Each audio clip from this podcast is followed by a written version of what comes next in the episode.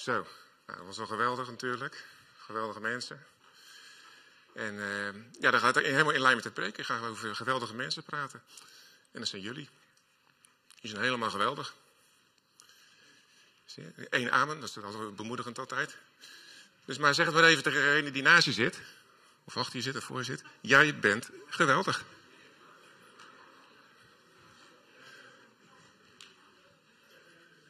Nou, dat was nog wel een beetje makkelijk, hè? Was een beetje makkelijk. Gewoon iets moeilijker maken. Nu ga je zeggen, ik ben geweldig. Ik hoor helemaal niks.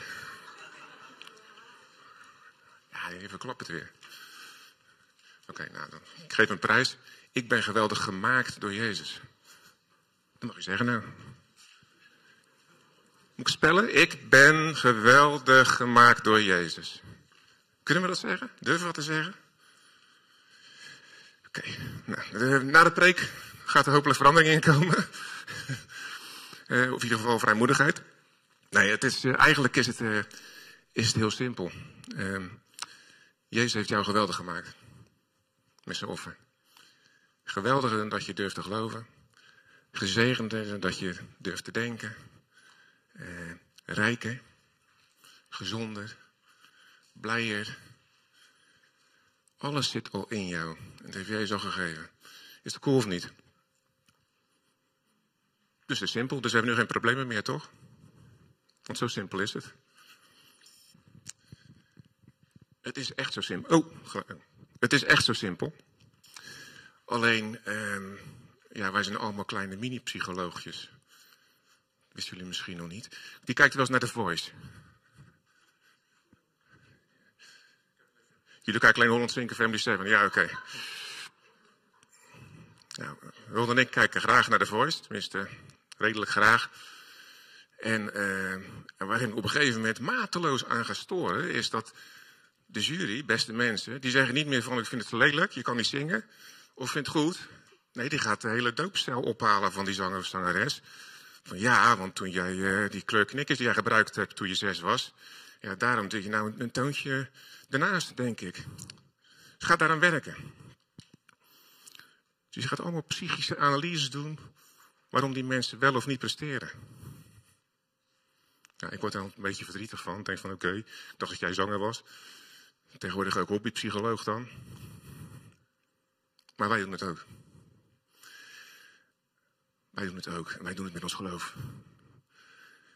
En wij psychologiseren zo hard. Dat we het simpele wat Jezus geeft. Jij bent geweldig vinden we moeilijk te ontvangen.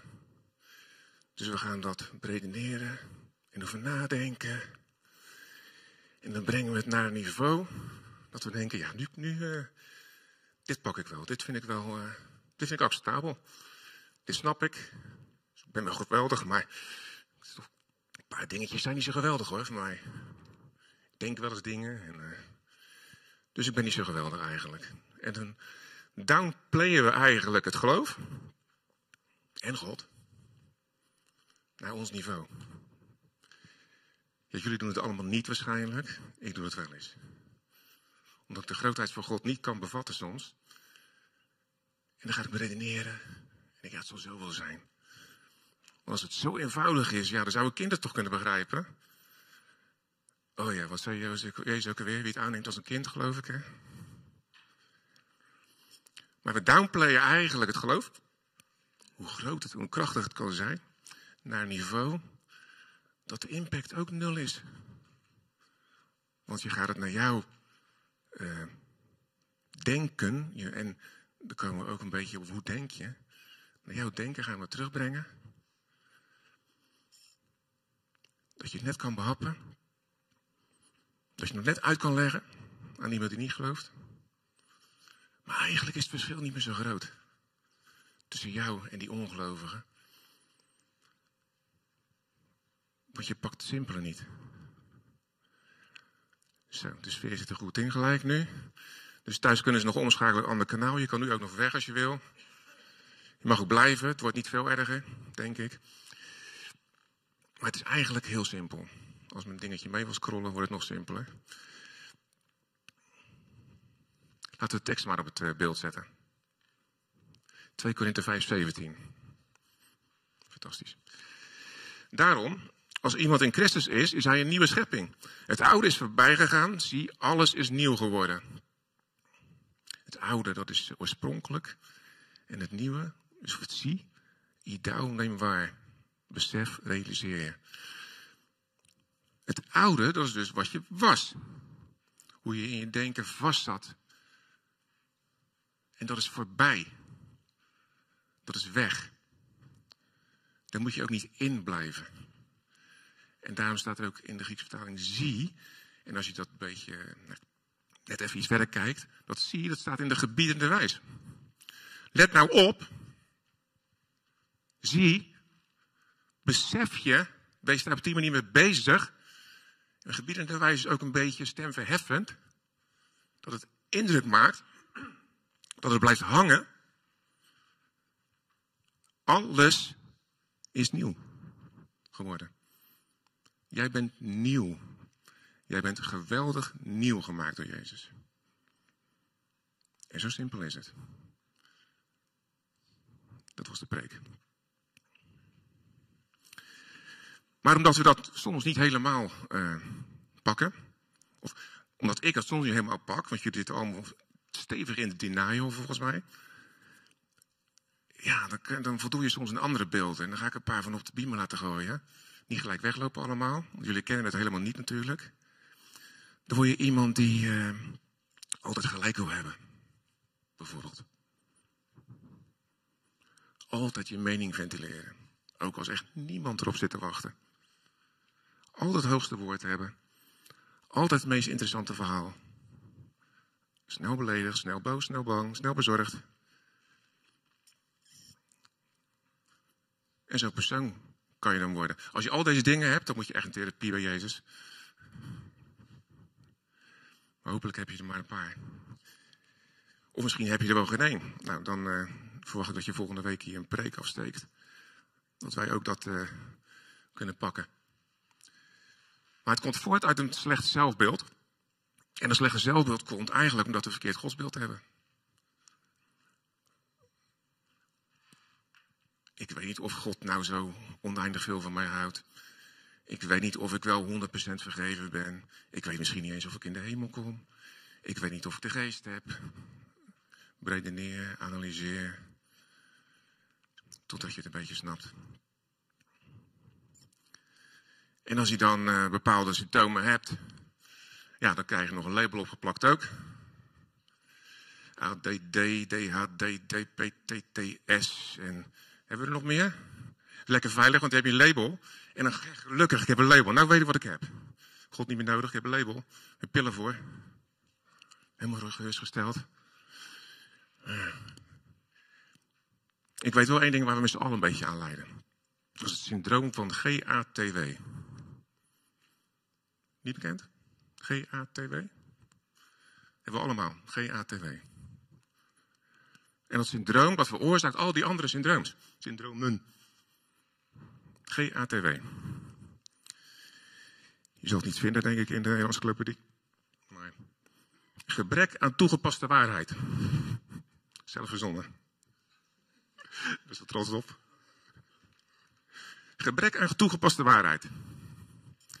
Want als je de waarheid van God niet in je leven toepast, dan ga je andere waarheden toepassen. En zo simpel is het ook. Je loopt in de waarheid van Jezus, of je loopt niet in de waarheid van Jezus en loop je in een andere waarheid. En we hebben heel veel aspecten van ons leven, want we willen altijd 100% dan perfect zijn, of voelen, of ervaren. Nou, dat werkt zo niet. Maar er zijn gewoon aspecten van je leven waar je meer waarde moet toepassen. En het zijn de aspecten van je leven ja, die je misschien voor jezelf niet zo tof vindt. Ja, daar, wil ik vanaf. Dat kan. Het kan ook zijn dat het aspect van je leven is wat je eigenlijk wel heel erg tof vindt. Waar je helemaal niet vanaf wil. Kan ook nog. Ja, uh, moet ik het ook loslaten dan? Ja, moet je ook loslaten. Als je godsbeeld verandert, als je godsbeeld, laten we het handig zeggen, niet goed is, verandert je denken, daarmee veranderen je besluiten, Daarmee verandert je gedrag. En daarmee veranderen de dingen die je nastreeft. En dan zeggen we, ja, het geloof werkt niet voor mij. Nee, je begint ook aan het eind. Je moet aan het begin beginnen. Je bent geweldig. God heeft jou geweldig, perfect gemaakt. Jezus, offer is volmaakt, volledig perfect voor jou.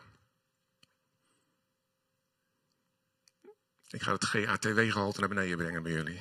Bij mezelf. Waarheid uitspreken. Ook goed trouwens om uh, thuis te doen. bij een flesje bier of bij een kopje soep. Lekker waarheid uitspreken over elkaar.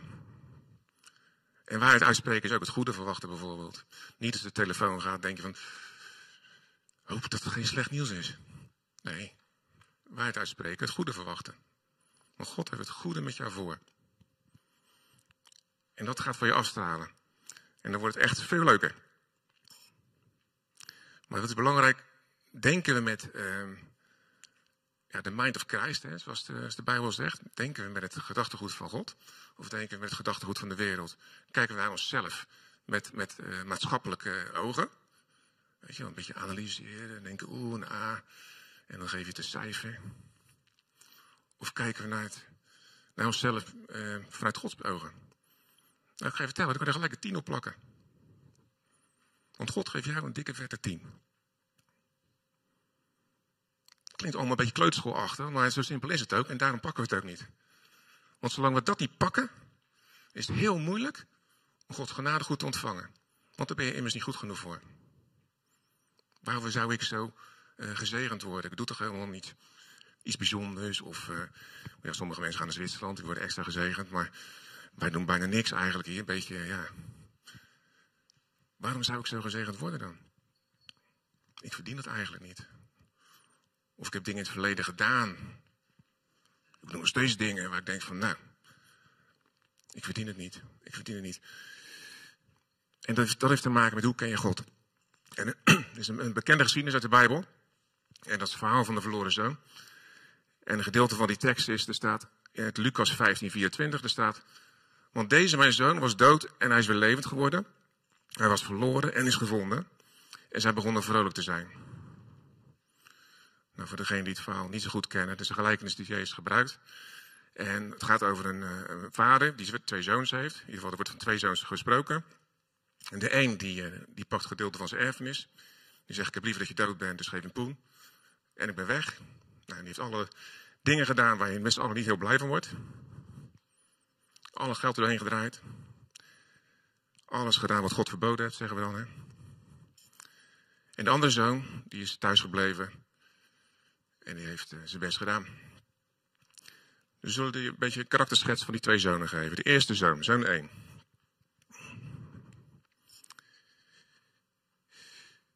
Ja, die gaat voor zichzelf.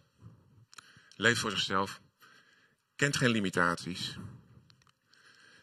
Denkt dat geluk zonder zijn vader eigenlijk een veel betere weg is, of misschien zelfs de enige weg. Hij weet het beter en hij doet het gewoon zelf. Hij woont in eigen gerechtigheid. Zoon 1.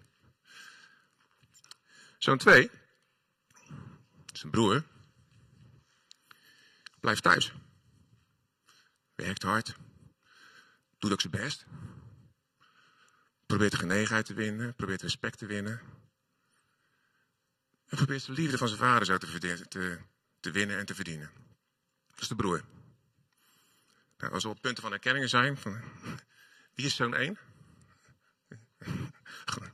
Goed antwoord. Die zoon, die dus uh, alles verbrast heeft, ja, als het geld er door is, is de lol er een klein beetje af. Dat ken ik ook wel een beetje. Dan is de lol er een beetje af. Oh, de vrienden waren ook trouwens allemaal gelijk weg toen het geld op was. Beetje jammer. Het feesten was een stuk minder. Dus die ging naar zijn vader toe. En die was bereid om de, het voer van de varkens te eten. Want meer was hij niet waard. Had het vertrouwen van zijn vader beschaamd. Hij was weggegaan. Had het, alles, al het geld die had er doorheen gejaagd. Nou, alles wat, verkeerd, wat je verkeerd kon doen, had hij wel een beetje gedaan. En dan moest hij zijn vader onder de ogen komen. En dat durfde hij eigenlijk niet. En wat gebeurt er? Die vader zegt: Kom maar bij mij. Stond er op de uitkijk. Waar is die? Kom maar bij mij. Ja, maar ik heb, interesseer me niet. Ja, maar stop. Je krijgt eerst mooie kleren. Dikke ring aan je vinger. Teken van autoriteit in die tijd. En we gaan feest vieren, want je bent weer thuis. Dus die zoon die kwam thuis. Verwachtte eigenlijk vergelding. Strafvergelding, achtig dingen. En kreeg dit. En zijn broer, ja, die verwachtte eigenlijk ook vergelding voor zijn broer. Want ik was hier. Ik liep hier te werken. Ik was mijn best aan het doen. Ik ben niet weggegaan. Ik heb de, de erfenis niet doorheen gejaagd. Sterker nog, ik verdien eigenlijk wel een beetje een soort van uh, extraatje. Ik verwacht het wel. Waarom heb ik het eigenlijk nooit gehad? Zegt hij ook nog tegen zijn vader. Nou, en wat zegt zijn vader dan? Al het mijne is het jouwe. Al het mijne is het jouwe. Waarom behandel je mij als een vreemde? Waarom behandel je mij als een vreemde? Ik ben je vader. Bizar, hè? Ze eigenlijk allebei de vader niet kennen. Die eerste zoon, sorry. De eerste zoon die symboleert een beetje de, de, ja, de, de wereld, de ongelovigen. Maar die tweede zoon, wie is dat? Dat zijn wij, dat is de kerk. Ergens het best doen. Kijk eens hoe wij kerk zijn. Kijk eens hoe groot we kunnen worden. Kijk eens wat we allemaal doen. En intussen kennen ze gewoon de vader helemaal niet. Dat is een andere kerk, hè? Niet hier. Kennen de vader helemaal niet. En dan komt pas achter als hij in de problemen komt. Dan komt pas achter als het echt erop aankomt. Kom pas achter als je naar Zwitserland gaat.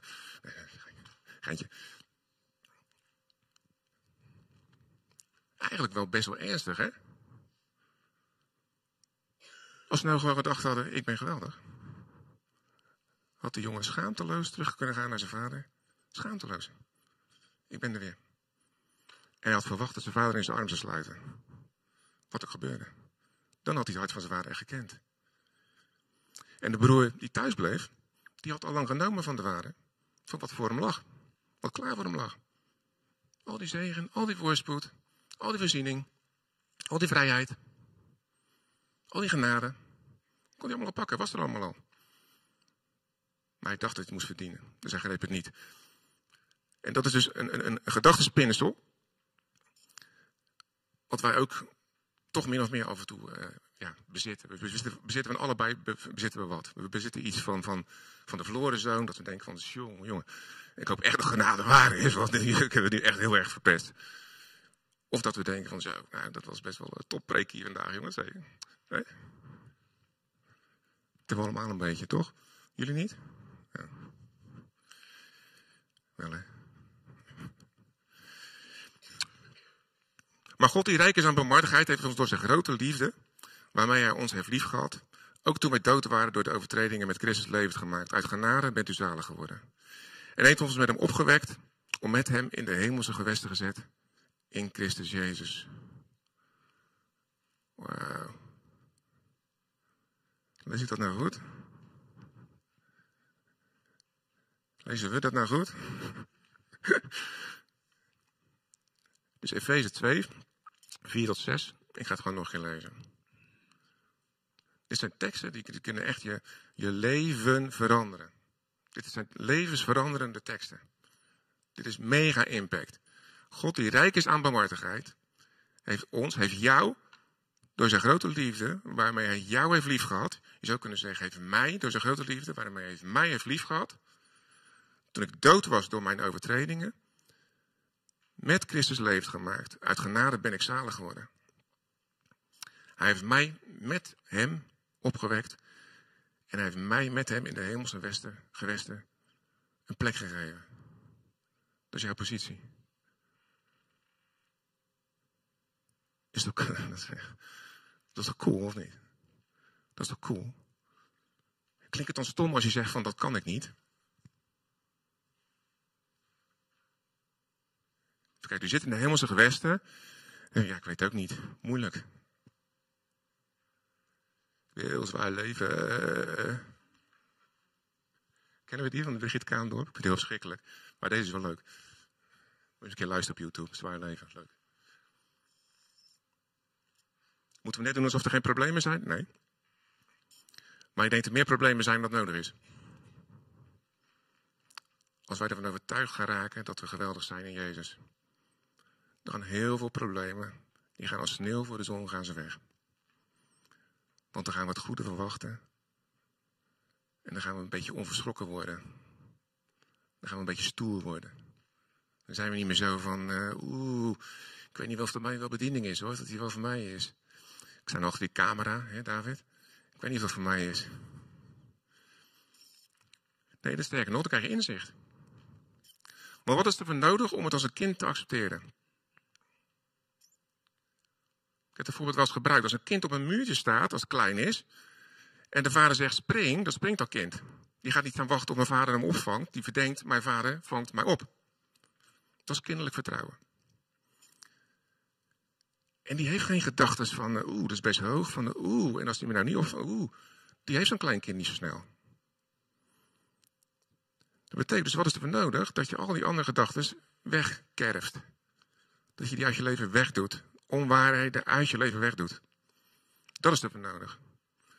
Dat je angst uit je leven wegdoet, want het hoort niet bij jouw leven. Angst is een hele slechte raadgever en absoluut niet van God. God zegt, ik ben jouw borging. Dat zegt hij. Ik heb mijn leven voor jou gegeven en ik ben jouw borging, ben jouw bescherming. Angst heeft geen plaats in jouw leven. Die hoort daar niet, echt niet. Maar het gaat ook voor ziekte. Het gaat ook voor zorgen. Het gaat voor tekortkomingen. God heeft ons in de hemelse westen, gewesten geplaatst. En hij zei, je kan ook schaamteloos, smetteloos voor hem staan. Als dat dan zo is, hè, als wij smetteloos voor God staan. Wat, wat zegt het dan over ons?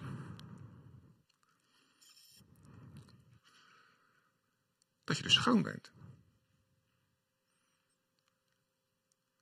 Er zijn mensen die denken van alles wat God, uh, over de soevereiniteit van God. Hè, die zeggen nee, alles wat uh, God uh, wil, dat gebeurt. Want hij is soeverein. Nou, dat, is niet, dat is een verkeerde perceptie van Gods soevereiniteit. Want alles wat God wil, gebeurt niet. Shocking. Want anders was er geen oorlog meer. Dat alle mensen tot bekering komen. Werd niemand ziek. Want dat is Gods wil. God wil namelijk dat je gezond bent. Dus dat is niet de soevereiniteit van God. Soevereiniteit van God is wel dat er geen zonde verdraagt. En als jij niet smetteloos bent, als jij dus nog zondig bent, of als, jij, als iets op jou aan te merken is, dan kan je helemaal niet aan Gods nabijheid komen. En wij, zegt de Bijbel, zijn in de hemelse gewesten geplaatst. Dat kan dus alleen maar als je schoon bent.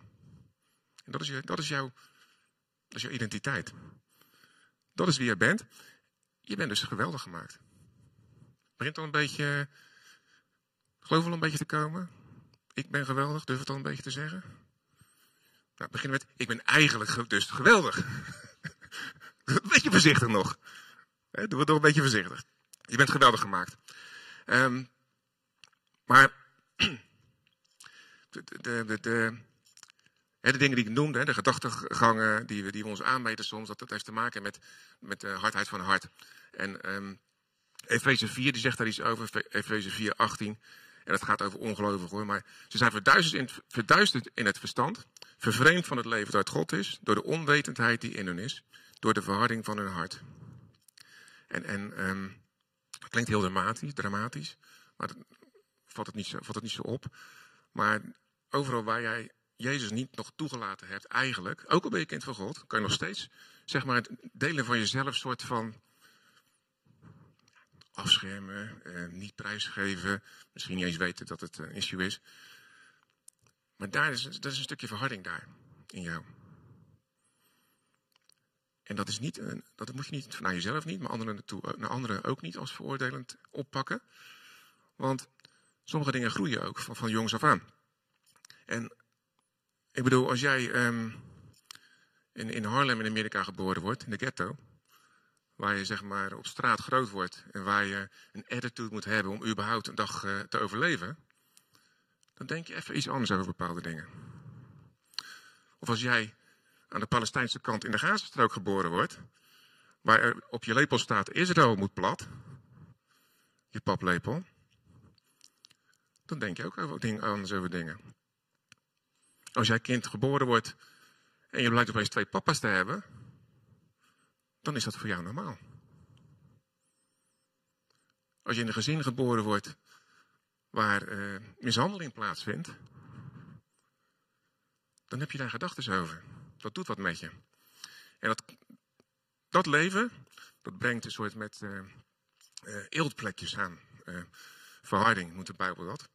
En voor de ongelovigen is het simpel. Ja, simpel is niet waar. Ja, wel, het is simpel. Geloof is simpel. Maar voor de ongelovigen, dat zegt de Bijbel ook, die, die verharding is een soort um, um, bedekking. Het is een soort bedekking. En de enige die die bedekking weg kan nemen, is de genade van Jezus. Dat is Jezus zelf. Die kan die bedekking wegnemen. Maar ja, als je kind van God bent, dan is het al weggenomen. Dus hoe gaan we het dan, hoe gaan we het dan wegkrijgen? GATW. Waarheid uitspreken in je leven. En je niet iets aan laten praten door de maatschappij. Want we kunnen dingen heel veel laten zien, dat maakt het nog niet normaal. We kunnen heel vaak dingen zeggen in de maatschappij, dat maakt het nog niet acceptabel voor God. Dus wij moeten waarheid blijven uitspreken naar elkaar, naar onszelf. En met verstand wijzen de liefde naar de wereld. Want God houdt van alle mensen. Zelfs van christenen. Nou, so zou je misschien zeggen. Kan er so what op? Ja, so what. Lekker boeien. Ik ben een kind van God. Ik ben hartstikke veilig. En uh, ik hoef helemaal niks. Hebben jullie zelf gezegd hier, je hoeft helemaal niks.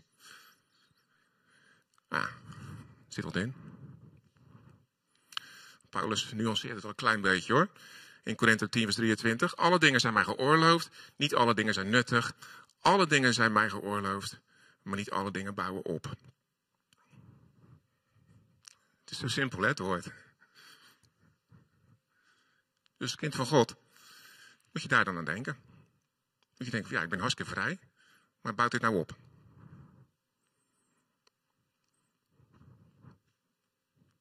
Kan je over nadenken. Het is ijzig stil hier zo. Ik weet niet of dat een goed teken is. Maar de maatschappij die, die speelt in op onze, op, onze, op onze oude verlangens. laat, laat ik het anders zeggen. De maatschappij speelt in op de verlangens die niet naar God leiden. Laat ik het zo zeggen.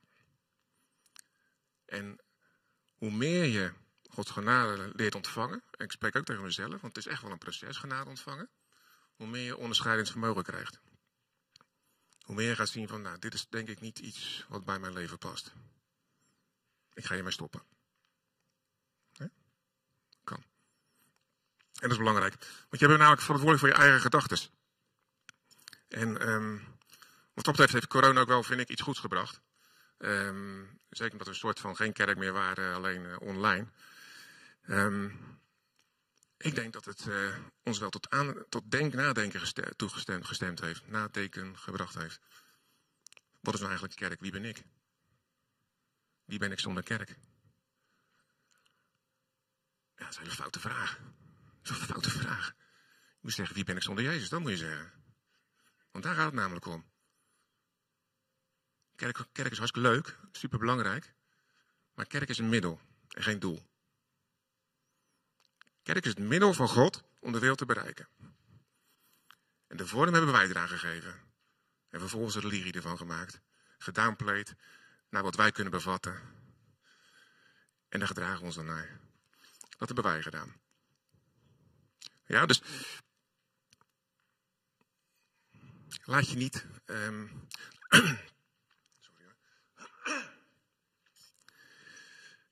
Gebruik, gebruik die gedachten ook uh, als je die al gehad hebt, van, van, van, de tijd die je gehad hebt om na te denken. Van, uh, wil ik überhaupt naar de kerk? Uh, wat brengt het mij? waarom ga ik naar de kerk? waarom gaan die anderen allemaal naar de kerk? wat is het eigenlijk, de kerk? Ik geloof, ik geloof echt in een loka lokale kerk, daar geloof ik 100% in. Alleen het format, waar wij ons veilig bij voelen, dat mag wel wat aan gebeuren hoor, voor mij. Niet voor mijn beurt praten, want eerst met uitste overleggen natuurlijk. maar uh, we komen binnen. Straks schudden we weer handjes als weer mag.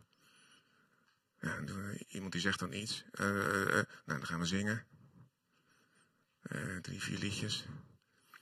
dan gaan we een preek houden. Nog een beetje zingen. Doen wat religieuze handelingen. En dan gaan we naar huis. Dat is de kerk dan. Koffie, ja, straks nog koffie weer. Later op de dag wordt misschien wel een wijntje. Nou, dan komen misschien de echte mensen nog een beetje naar voren. Nou, ik chargeer een beetje. Ik wil, ik de kerk niet belachelijk maken. Of misschien toch wel. Maar ik denk dat Jezus, toen hij Jezus tegen Petrus zei, jij bent de kerk. Of jij bent de persoon waar ik mijn kerk bouw. Dan wees hij iemand aan die hem verraden had drie keer. Dus die zou heel bescheiden geweest zijn, Petrus. Die had echt moeite met te geloven dat Jezus überhaupt van hem hield. En ik snap dat wel. Als je drie keer zegt dat je iemand niet kent, om zelf niet in de knel te komen, dat is redelijk verraad, toch? Als je drie jaar vrienden rondgelopen hebt. Maar hij zegt, op jou ga ik mijn kerk bouwen. Op jou ga ik mijn zangdiensten, liturgie, avondmaal. Dat zei hij niet. Op jou ga ik mijn kerk bouwen. En mijn kerk is het middel om de ongelovige mensen te bereiken. En de kerk is geen doel. Kinderopvang is leuk, maar is niet het doel. Sorry, ouders. Ja. Kerk is relatie. In de kerk gaan we waarheid over elkaar uitspreken. Dat is kerk. In de kerk gaan we vertellen wie Jezus is en uitspreken hoe jouw leven beter is omdat je Jezus kent. En daar gebruiken we de Bijbel voor. Het is een boek wat je hier wel ziet liggen soms. Mocht je het niet kennen. Dat is de kerk. En dat is veel leuker. Kijk, op tijd komen we sowieso niet in de wijngaard, dus dat is niet zo'n probleem. Maar dan begint tijd ook relatief te worden. Dan begint het samen. Eh, hoe zeg je dat? Hoe we de stoelen zetten. En wie waar staat, dat wordt allemaal wat anders omdat je weet, ik ben geweldig in mezelf. Ja, leuk dat jij zit te preken, maar ik ben ook geweldig. Leuk dat jij uh, kan je bent in de koffie, maar ik ben geweldig. Ik doe helemaal niks. Ik ben hartstikke geweldig. Want het hangt namelijk niet af van wat je doet. Het hangt af van wat Jezus voor jou gedaan heeft. Daarom ben jij geweldig. Hij heeft jou geweldig gemaakt. En hij heeft jou geweldig gemaakt om geweldig te zijn. Want in Matthäus 5, Matthäus 5 er staat, u bent het zout van de aarde, maar als het zout smaak verloren heeft, waarmee zal het dan gezouten worden? Het deugt nergens meer voor dan om weggeworpen en door de mensen vertrapt te worden. U bent het licht van de wereld en een stad die boven een berg ligt, kan niet verborgen zijn. En ook steekt men geen lamp aan en zet die onder de korenmaat, maar op de standaard. En hij schijnt voor allen die in het huis zijn. Laat uw licht zo schijnen over de mensen, dat ze uw goede werken zien en uw Vader die in de hemel is, verheerlijken.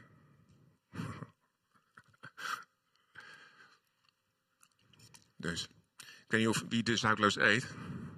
Ik, ik vind dat niet zo lekker. Ik hou wel van een beetje zambal. Een beetje pit. Nou, Jezus had ook van een beetje pit. Mag zoutloos eten trouwens hoor, sorry. Maar Jezus die heeft jou pit gegeven. Die heeft jou geweldig goed gemaakt. En zout is een smaakmaker. Wij zijn de smaakmakers van de wereld. Wij zijn de kleurgevers van de maatschappij. Dat zijn wij. Zwitserland krijgt een andere nationale vlag. Die krijgen een andere kleurvlag. Want er gaan geweldige mensen naartoe. En het woord van genade is geweldig, omdat het, ja, dat gewoon geweldig is. Omdat het je vrijpleit. Omdat het alle focus, ik zei net al tegen David, als je het als een kind ontvangt, als je het woord van genade ontvangt, dan is er ook geen ruimte meer voor andere gedachten. Want als die er zijn, dan ontvang je het woord niet volledig. Want dan doet het af aan wat het kan zijn. Of wat het is, beter gezegd. Het woord van genade is geweldig. En als Jezus zegt van, toen Jezus de aarde liep, toen zei hij van, ik ben het licht van de wereld. Nou, iedereen kent die tekst, vinden we allemaal fantastisch. Nou, oh, Jezus is het licht van de wereld. Is ook waar. Alleen toen hij, zei, toen hij wegging van de wereld, toen, hij, toen zei hij, nu zijn jullie het licht van de wereld. Oh. Dus dan moet ik allemaal dat soort dingen aan doen dan of zo. Nou, je moet helemaal niks, want het is genade. Maar het kan wel. Je kan gewoon de werken doen die Jezus deed. Sterker nog, hij zegt van je gaat grotere werken doen dan ik deed. Kun je dat voorstellen? Denk je dat die grotere werken handig gaan werken als jij jezelf veroordeelt? Constant. Denk je dat het goed werkt? Of als je denkt van ja, nee, ja, uh, uh, ik ben niet, zo, ben niet geweldig. Ik ben, ik, ben maar, ik ben maar een mens. Ook zo'n goeie. Heel irritant gelovigen dat zeggen. Ik ben maar een mens. Nou, nee. Je bent helemaal nieuw gemaakt, hebben we net gelezen, toch? Je bent helemaal nieuw. Let op, je bent helemaal nieuw gemaakt. Je bent niet maar een mens, je bent een bovennatuurlijke schepping. Want je bent van God geboren, staat in de Bijbel. Is dat cool of niet? Als je een bovennatuurlijke schepping bent, kun je bovennatuurlijke dingen doen. Maar dan moeten we wel eerst al die onzin wegkarven. Anders wordt het allemaal flauw en dan hebben we gewoon geen momentum meer. Je mag lekker momentum opbouwen door in het woord, in gebed, lekker in tongen te bidden. Lekker waarheid uitspreken over elkaar. Dan bouw je momentum op. En ik weet niet of je als een auto die 220 km per uur rijdt hebt geprobeerd terug te koppen. Dat gaat niet werken. Want die heeft momentum. Maar wij zijn soms, als wij een grasprietje tegenkomen, kan we zo. piepende kraken tot stilstand. Want dan staat een grasprietje. Nou, dan heb je geen momentum. Wie heeft er geen momentum? Leugenaars. Nee hoor. Het is de waarheid. Jullie hebben een gigantisch momentum. Jezus heeft jou geweldig gemaakt. En daarmee heeft hij jou een gigantisch momentum gegeven. En momentum, eh, voor, de juiste, eh, voor het juiste begrip, momentum is gewoon eh, armslag, mandaat, kracht. Zit allemaal in jou. Heeft hij jou gegeven. Omdat hij jou geweldig gemaakt heeft.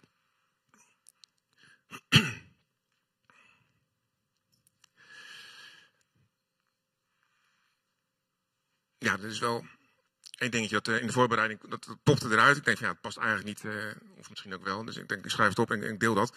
Wat wel belangrijk is, uh, denk ik, is dat je jezelf leert vergeven. Dat gaat soms wel wat diep. Maar ik geloof dat dit een woord van God is binnen de preek. Kan dat? Ja. Je moet jezelf wel vergeven. Als je jezelf niet vergeeft, ga je het niet ontvangen. Ook al heb je het al. Maar ik zeg, dan wordt het niet effectief. En daarna ga je anderen vergeven. Ga je iedereen vergeven die jou wat aangedaan heeft. Ga je iedereen vergeven die iets over jou uitgesproken heeft. Ga je ouders vergeven. Ga je familie vergeven. Ga je broers en zussen vergeven. ga je kinderen vergeven. Maar het begint, je gaat jezelf vergeven. Als je dat dan meeneemt vandaag, dan ben ik al blij.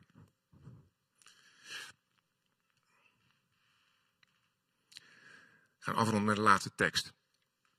2 Corinthians 3, 6. En die moet je in het Engels lezen, vind ik. Dat is een beetje een van mij. Who also had made us able ministers of the New Testament, not of the letter, but of the spirit. For the letter killed, but the spirit giveth life. Is dat cool of niet? Is dat cool?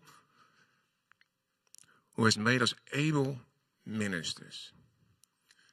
Has made us. Dat is dus gebeurd. En dat is nu een feit. Als je kind van God bent, dan ben je een able minister.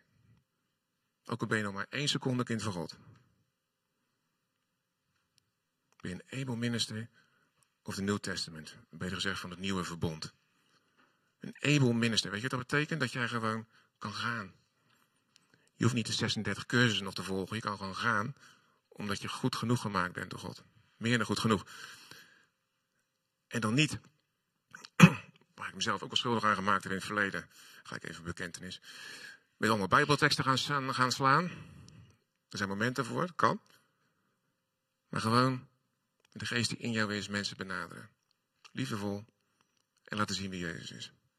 Dan ben je al able minister. Jezus die zat in de meest verschrikkelijke uh, wijken, bij de meest, in onze beleving, verschrikkelijke mensen. Ik geloof er niks van dat hij de hele dag Jezaja aan het voorlezen was. Daar geloof ik helemaal niks van. Hij was relatie met die mensen aan het hebben. Hij was aan het vertellen wie God was. Dat God liefde is. Dat hij van ze houdt. Dat was hij aan het doen. Hij gebruikte wel heel veel Jezaja tegen al die gasten die dachten dat ze het wisten. Die wettische. De wetsgeleerden die de schrift heel goed kenden. Maar eigenlijk de vader niet kenden. Weet je nog? De verloren zoon? Of de broer van de verloren zoon? Ze kenden de vader niet. Het gaat niet om wat je doet. Het gaat om wat hij gegeven heeft. En, en dan ga je anders naar jezelf kijken. En, en ik moest denken, en, ongeestelijk allemaal natuurlijk. Maar ik weet niet of jullie die Anderlon shampoo kennen. Die reclame. Dus eerst was, was die vrouw de haar met iets anders. En is het een beetje, ja, een beetje een, uh, kan niet zoveel mee. En dan heeft ze daar met, met, met die shampoo gewassen en is het opeens helemaal de bom. En dan pap, en iedereen die uh, beweegt mee en helemaal stoer. Ja, Anderlon is niet helemaal goed en is ook uh, zeg maar zelf aangebracht. Maar God heeft van zijn kant uit, heeft hij jou aangeraakt. Om grootste dingen te doen. En het hoeft niet per se naar Zwitserland te zijn. Het mag ook gewoon hier in Barendrecht zijn. Of gewoon waar je woont. In je vriendenkring. In je werkkring. Je bent gemaakt om grootste dingen te doen. Amen.